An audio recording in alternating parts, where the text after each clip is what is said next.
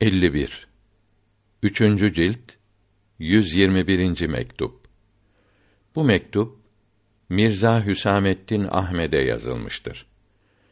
Mektubatın üçüncü cildinin 87. mektubundaki ince bilgilerden birkaçını açıklamaktadır.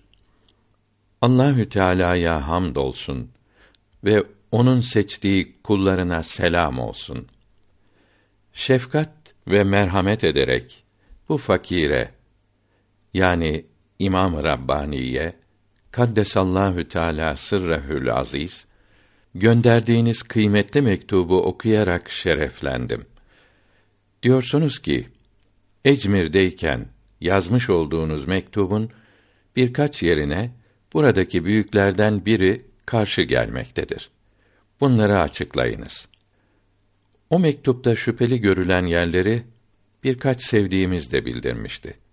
Bu şüpheleri çözmek için Allahü Teala'nın yardımı ile birkaç ön söz yazıyorum.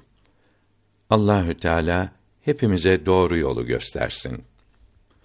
Kıymetli efendim, seyri muradi ve seyri müridi denilen tasavvuf yolculukları bu yolcuların vicdanları ile yani kalpleriyle anladıkları bir yolculuktur. Başkasına bildirilmesi, inandırılması lazım olan şeylerden değildir. Bu sözleri ispat etmek için delil göstermeye lüzum yoktur. Böyle olmakla beraber keskin görüşlü, anlayışlı yaratılan bir kimse böyle yolculukları söyleyenlerin hallerini, gidişlerini inceler, bereketlerini, ilmlerini ve marifetlerini görürse onun seyri muradi dediği bir yoldan ilerlemiş, yükselmiş olduğunu hemen anlar. Sözünü ispat etmesini, delil, senet göstermesini istemez. Gökte kamerin her gece doğuş ve batış yerlerini ve aldığı şekilleri gören anlayışlı bir kimsenin ayın güneşten aldığı ışıkları yaydığını anlaması gibidir. Keskin görüşlü, bilgili olmayanlar için bu kadar görmek ve incelemek delil olmaz. Üstadım Hace Baki Billah Hazretleri bu fakirin ilerlemesinin seyri muradi olduğunu daha başlangıçta bildirmişti. Orada bulunan kardeşlerimiz arasında bu müjdeyi işitmiş olanlar vardır. Mesnevi'nin aşağıdaki beyitlerinin bu fakirin haline uygun olduğunu buyurmuşlardı. Farisi Mesnevi tercümesi. Maşukların sevgisi gizlidir, gizli. Aşıkın aşkı da davul sesi gibi. Fakat aşk aşıkları üzer, eritir. Maşukları ise besler, sevindirir. Muratlardan vasıl olanlar rahi içtiba ile seçilmişlerin yolu ile kavuşurlar. Bu yol peygamberlerin ilerledikleri yoldur. Aleyhimüsselavatü ve teslimat. Avarif kitabının sahibi Şihabüddin Sühreverdi kuddise sirruh meczubi salik ve salik-i meczupları anlatırken bunu açıkça bildirmiştir. İkinci yola rahi müridan ve muratların yoluna rahi içtiba demiştir. Şura suresindeki ayet-i kerimede mealen Allahü Teala dilediğini kendine seçer, kendine kavuşmak isteyenlere de kavuşturan yolu gösterir buyuruldu.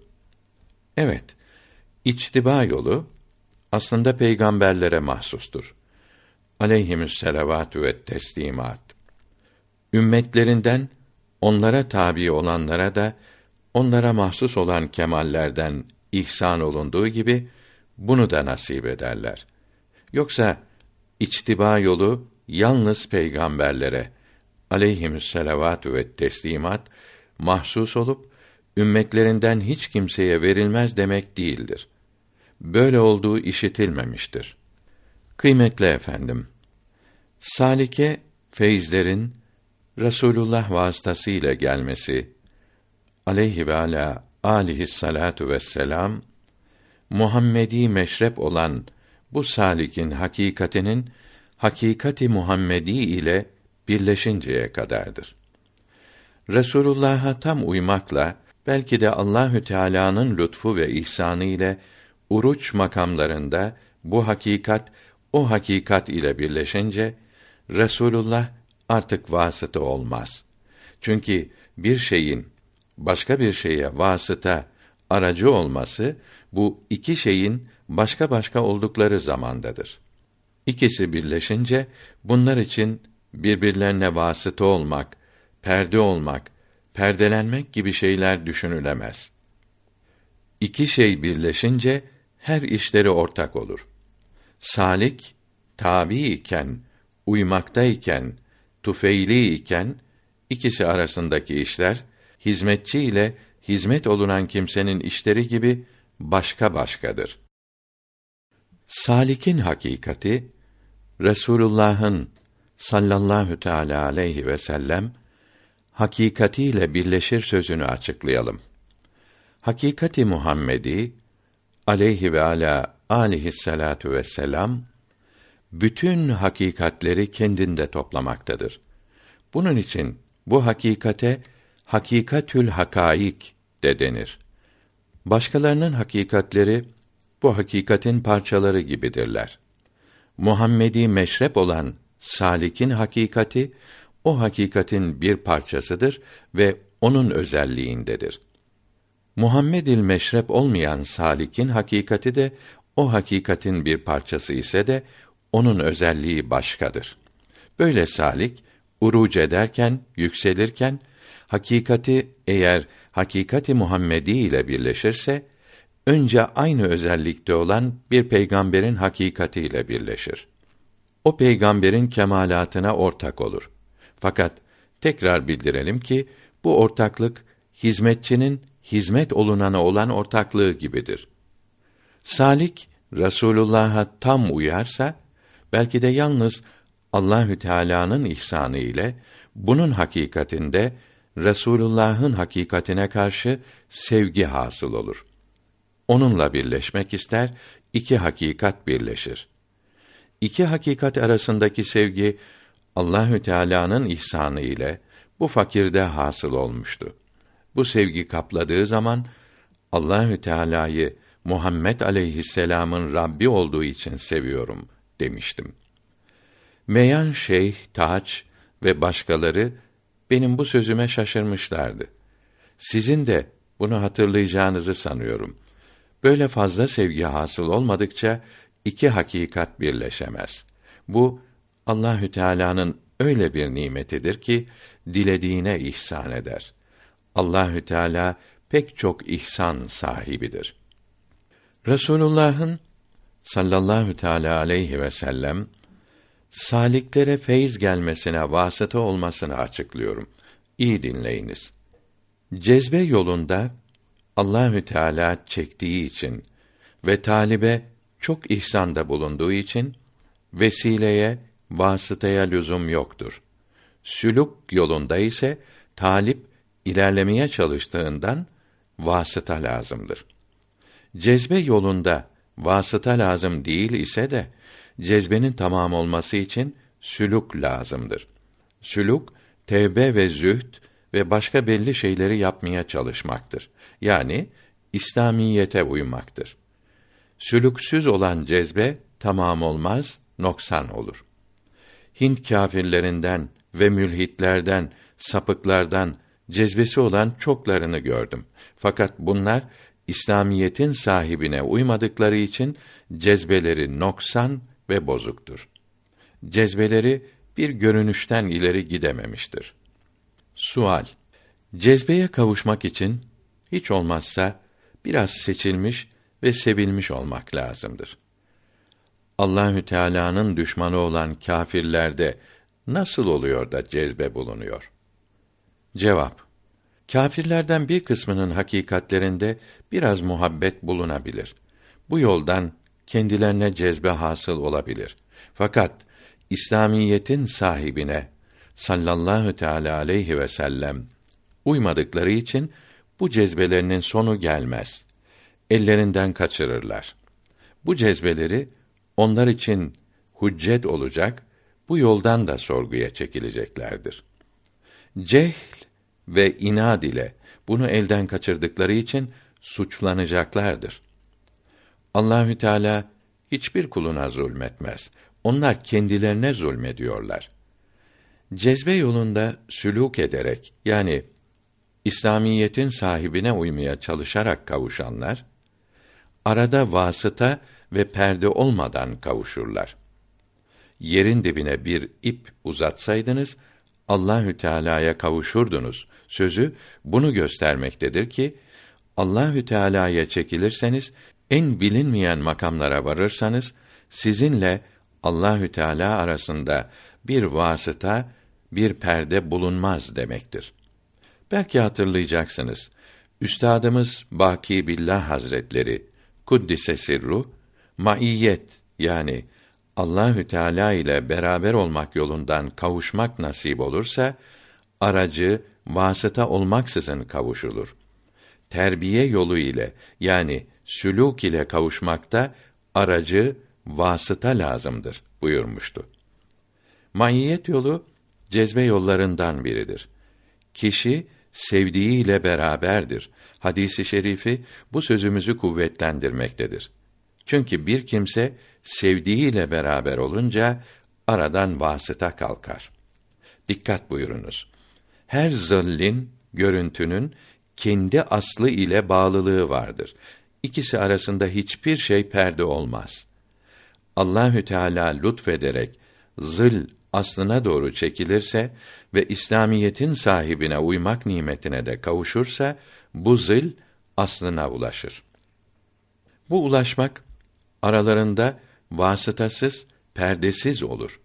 Bu asıl Allahü Teala'nın isimlerinden bir isim olduğu için ism ile ismin sahibi arasında da bir perde yoktur.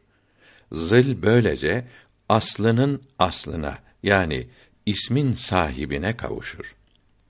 Demek ki Allahü Teala'nın zatına, kendisine biçun olarak yani bilinmeyen, anlaşılamayan bir şekilde kavuşanlar için vasıta ve perde bulunmaz. Böyle kavuşana Allahü Teala'nın sıfatları vasıta ve perde olmayınca başka şeyler perde olabilirler mi? Sual Allahü Teala'nın sıfatları kendisinden ayrı değildirler. Allahü Teala'ya kavuşanlara sıfatların vasıta perde olmaması nasıl olur? Cevap Salik'in aslı Allahü Teala'nın isimlerinden bir isimdir. Salik bu aslının zillidir, görüntüsüdür. Salik bu aslına kavuşunca kendisiyle zat-ı ilahi arasında bir vasıta, bir perde yoktur. Çünkü ism ile isim sahibi arasında bir vasıta yoktur. Bunun için sıfatların aradan kalkması lazım gelmez. Bunu yukarıda salikin hakikatinin hakikati Muhammedi ile birleşmesini anlatırken bildirmiştim. Zillin aslına kavuşmasını bildirirken de biraz geçmişti. Tembih Cezbe yolunda aracı, vasıta bulunmaz sözünden bazı kimseler için Resulullah'ın aleyhi ve ala aleyhissalatu vesselam vasıta olmasına lüzum olmayacağı anlaşılmamalıdır. Resulullah'a sallallahu teala aleyhi ve sellem uymalarına ihtiyaçları kalmayacağı sanılmamalıdır. Böyle anlamak küfr ve ilhat ve zındıklık ve onun dinine inanmamak olur. Sülük yapmadan yani İslamiyete uymadan mevcud olan cezbe noksan olur, bozuk olur ve nimet şeklinde görünen azap olur. Kıyamette hesaba çekilmesine, azap yapılmasına sebep olur. Doğru keşfler ve açık olan ilhamlar kesin olarak bildirmiştir ki Resulullah sallallahu teala aleyhi ve sellem vasıta olmadıkça ve ona uymadıkça tasavvuf yolunun hiçbir marifetine kavuşulamaz. Başlangıçta ve yolda bulunanlar için olduğu gibi sona varmış olanlar içinde o yüce peygambere uymadıkça ve ona nasip olan nimetlerin artıklarını toplamadıkça tasavvuf yolunun hiçbir feyzi ve bereketi hasıl olmaz. Farisi Beyt tercümesi Ey Sadi! Safa yolunda ilerlemek, Mustafa'ya uymakla nasip olur hep. Ahmak Eflatun, yaptığı mücahedelerle ve riyazetlerle nefsinde hasıl olan safayı görünce peygamberlere aleyhimüsselavatü ve teslimat uymak lazım olmadığını sandı. Biz temizlenmiş insanlarız. Temizleyicilere ihtiyacımız kalmamıştır dedi. Peygamberlere uymadan yalnız riyazet çekmekle hasıl olan safanın altın yaldızla örtülen bakır gibi veya şekerle kaplanan zehir gibi olduğunu anlayamadı. Bakırla karışık altını saf halde ayırmak için ve nefsi emmarelikten kurtarıp itminana kavuşturmak için peygamberlere uymak lazımdır. Aleyhimüsselavatü ve teslimat. Hakiki hakim ve tabib olan Allahü Teala peygamberleri ve bunların dinlerini aleyhimüsselavatü ve teslimat nefsi emmareyi yıkmak, azgınlıktan kurtarmak için gönderdi. Onu yıkmak, belki ıslah etmek, kurtarmak için bu büyüklere aleyhimüsselavatü ve teslimat uymaktan başka çare olmadığını bildirdi. Bu büyüklere aleyhimüsselavatü ve teslimat uymadıkça binlerle riyazetler ve mücahedeler yapılsa onun emmareliği kıl kadar azalmaz. Tersine azgınlığı artar. Onun hastalığını giderecek yegane ilaç peygamberlerin dinleridir. Aleyhimüsselavatü ve tahiyyat. Bundan başka hiçbir şey nefsi felaketten kurtaramaz. Cezbe için sülük lazımdır. İster cezbeden önce olsun, ister sonra olsun, sülüksüz cezbe faidesizdir, kıymetsizdir. Cezbenin sülükten önce olması daha kıymetlidir. Böyle olunca sülük cezbeye yardımcı olur. Sülükten sonra olan cezbe ise sülûke hizmetçi olur. Sülük nimeti onu cezbeye kavuşturur. Cezbenin önce olması böyle değildir. O önceden çekilmektedir, davetlidir, murattır. Sülûkü önce olan ise taliptir. Murad olunanların başı ve sevilenlerin önderi Muhammed aleyhisselam'dır. Bu davet ona yapılmış, önce o çağrılmıştır. Aleyhi ve ala aleyhisselatu vesselam. Başkaları ona tufeil olarak yanı sıra kabul olunmaktadırlar. İster murad olsunlar, ister talip olsunlar, onun arkasındadırlar. Hadisi kutsi'de o olmasaydı Allahü Teala mahlukları elbette yaratmazdı ve rububiyetini belli etmezdi buyuruldu. Başkaları onun gerisinde bulundukları için ve bu davet yalnız ona yapıldığı için herkes ona muhtaçtır. Feyzlere, bereketlere onun vasıtası ile kavuşurlar. Bunun için bütün insanlara onun ali denilse yeri vardır. Aleyhi ve ala aleyhisselatu vesselam. Bütün insanlar ondan sonradırlar ve arada o olmayınca kemale kavuşamazlar. Hepsinin varlığı onun varlığına bağlı olunca varlıktan hasıl olan kemaller o vasıta olmayınca nasıl hasıl olabilir? Alemlerin Rabbinin sevgilisi elbet böyle olur. Aleyhi ve ala aleyhissalatu vesselam. İyi dinleyiniz. Keşf yoluyla anlaşıldı ki Allahü Teala'nın sevgilisi olması aleyhi ve ala aleyhissalatu vesselam zat-ı ilahiye muhabbeti iledir. Arada hiçbir sıfat ve şan ve itibar karışık değildir. Allahü Teala kendisini de bu muhabbet ile sevmektedir. başka kullarını sevmesi böyle değildir. Şuyun ve itibarat ile veya esma ve sıfat ile hatta isimlerinin ve sıfatlarının zilleriyle sevmektedir. Bunu daha açıklayalım. Resulullah'ın vasıta olması iki türlüdür. Birincisinde salik ile matlup arasında perde olur. İkincisinde ise salik ona takılarak onu vasıta ederek ona uyarak matluba kavuşur. Sülük yolunda ve hakikati Muhammediye varmadan önce vesile olmanın bu iki türlüsü de vardır. Öyle sanıyorum ki bu yolda vasıta olan alim salikin şuhuduna vasıta ve perde olmaktadır. Yolun sonunda cezbe imdada yetişmezse ve perde aradan kalkmazsa çok yazık olur. Çünkü cezbe yolunda ve hakikatül hakaika kavuştuktan sonra yalnız ikinci türlü vasıta olmak vardır. Yani arkasına takılmakla ve uymakladır. Perde olmakla değildir. Yani şuhut ve müşahede için ve bunların benzeri için perde olmak yoktur. Sual Yalnız bir manada olsa bile Resulullah'ın vasıta olmaması Resulullah için bir kusur, bir noksanlık olmaz mı? Aleyhi ve ala alihi salatu ve tahiyye.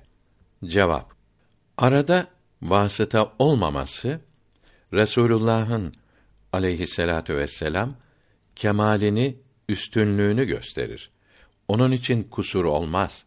Hatta arada vasıta olması kusur olur.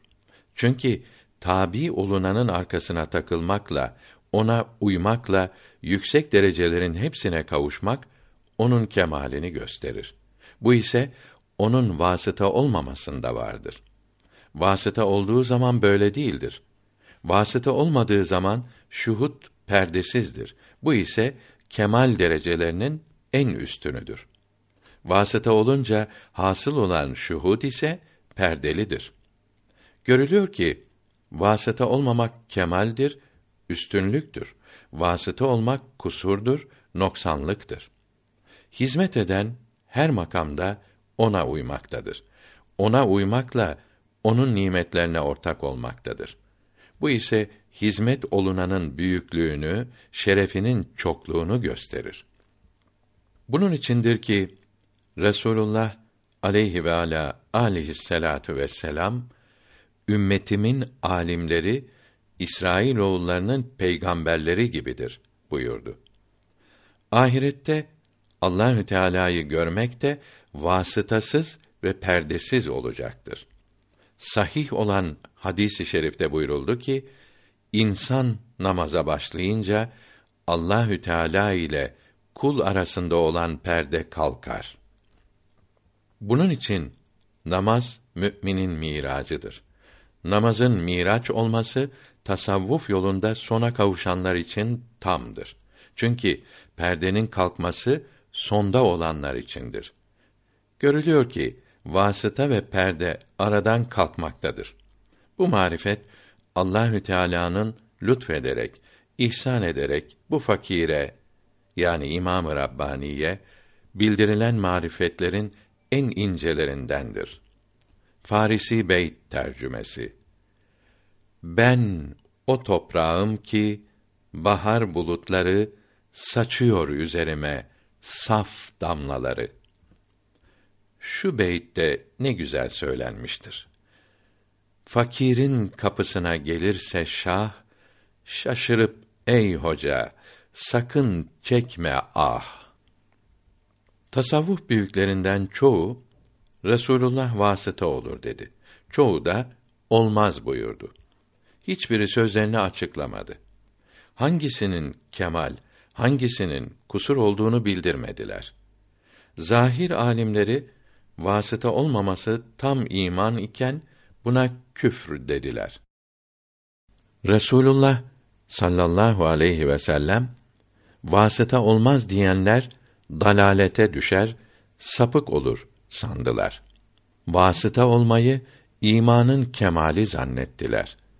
Böyle söyleyenleri kamil sandılar. Halbuki Resulullah'ın vasıta olmaması ona uymanın tam olduğunu gösterir. Vasıta olması ise ona uymanın noksan olmasını bildirir. Böyle olduğunu yukarıda bildirmiştik.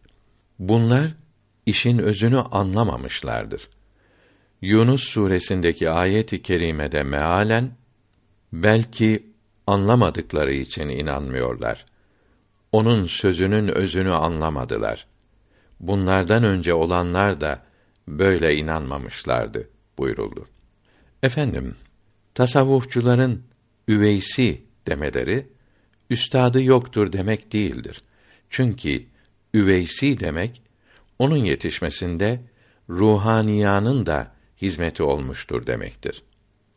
Hace-i Ahrar kuddise sirruh Mevlana Yakub-i Çerhi'nin hizmetinde yetiştiği halde üstadı bulunduğu halde Behaüddin Buhari'nin ruhaniyetinden de yardım gördüğü için Hace-i Ahrar'a Üveysi denilir.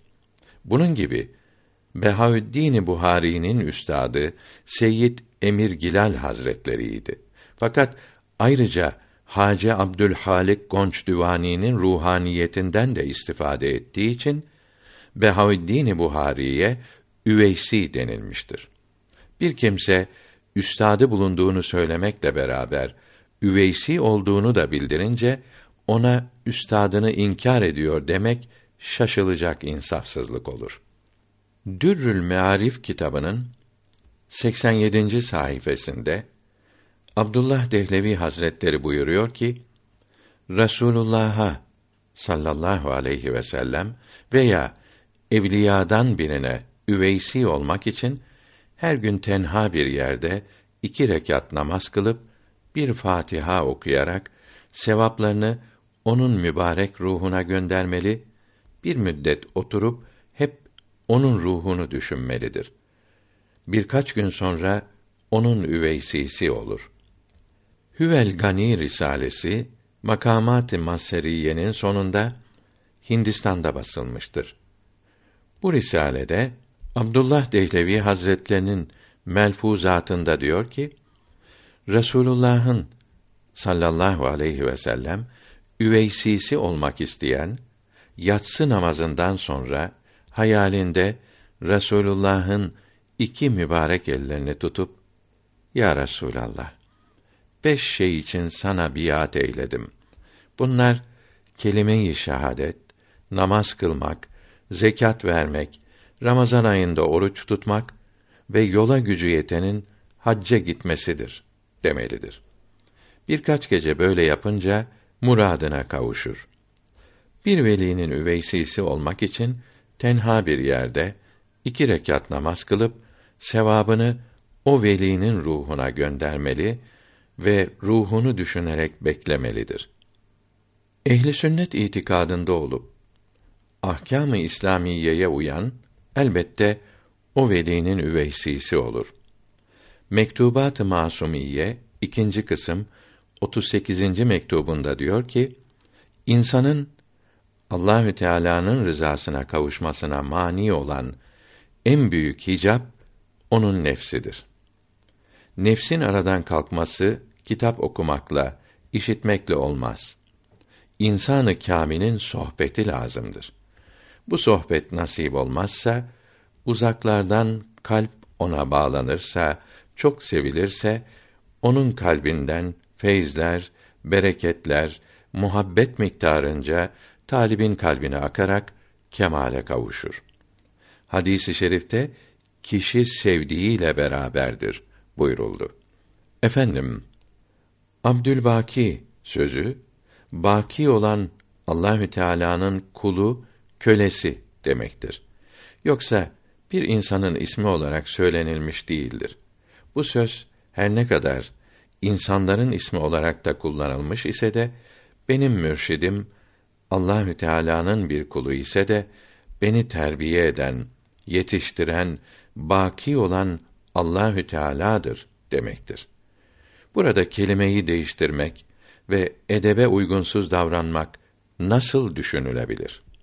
Efendim, Bayezid-i Bistami kuddise sirruh sekr halinde yani şuursuz iken sübhani dedi. Bu söze kusur denilse bu kusurun onda her zaman bulunması lazım gelmez. Bunun için başkasının ondan üstün olmasına sebep olmaz. Çünkü evliyadan hale, vakte göre bazı marifetler hasıl olur ise de başka vakte ve başka halde o marifetlerin noksanlık olduğunu anlayarak bunları bırakır.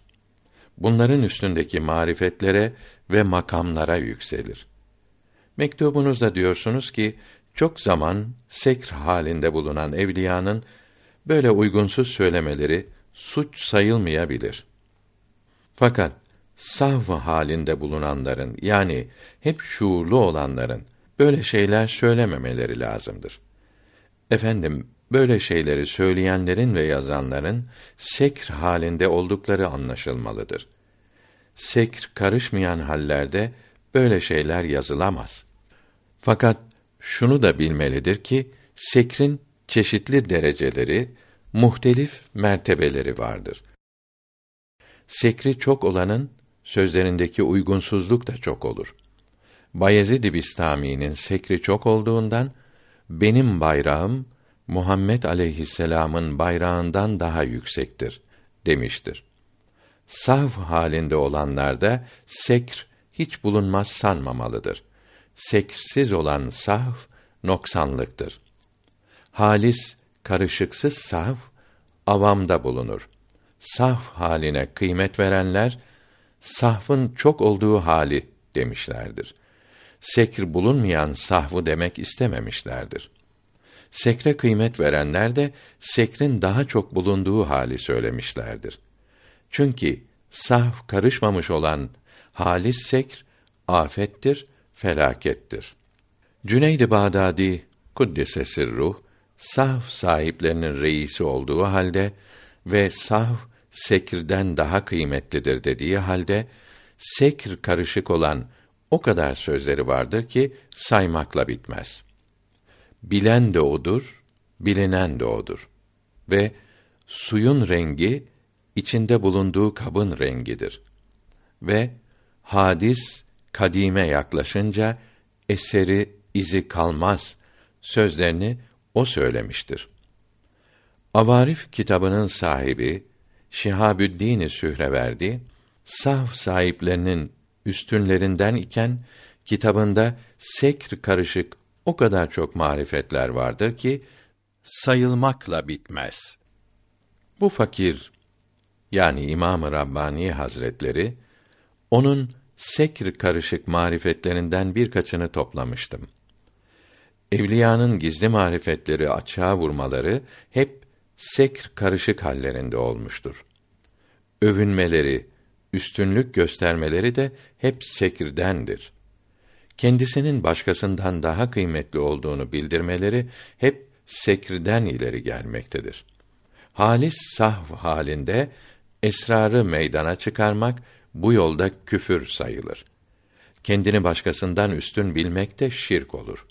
Sav halinde biraz sekr bulunması yemeğe lezzet vermek için tuz karıştırmaya benzer. Tuzsuz taam tatsız olur. Kimse beğenmez. Farisi Beyt tercümesi. Eğer aşk olmasaydı, aşk derdi olmasaydı, bu kadar tatlı sözü kim söyler, kim duyardı?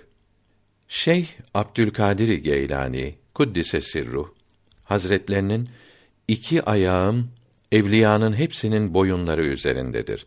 Sözünü sekr halinde söylemiş olduğunu Avarif kitabının sahibi Kaddesallahu Teala sırrehül aziz bildiriyor. Böyle bildirmesi bu sözün kusur olduğunu anlatmak için değildir. Onu övmek içindir. Çünkü bildiğini söylemiştir. Övünmeyi, üstünlüğü bildiren böyle sözler ancak sekr karışık hallerde söylenir. Hiç sekr bulunmayan saf halinde böyle konuşamazlar.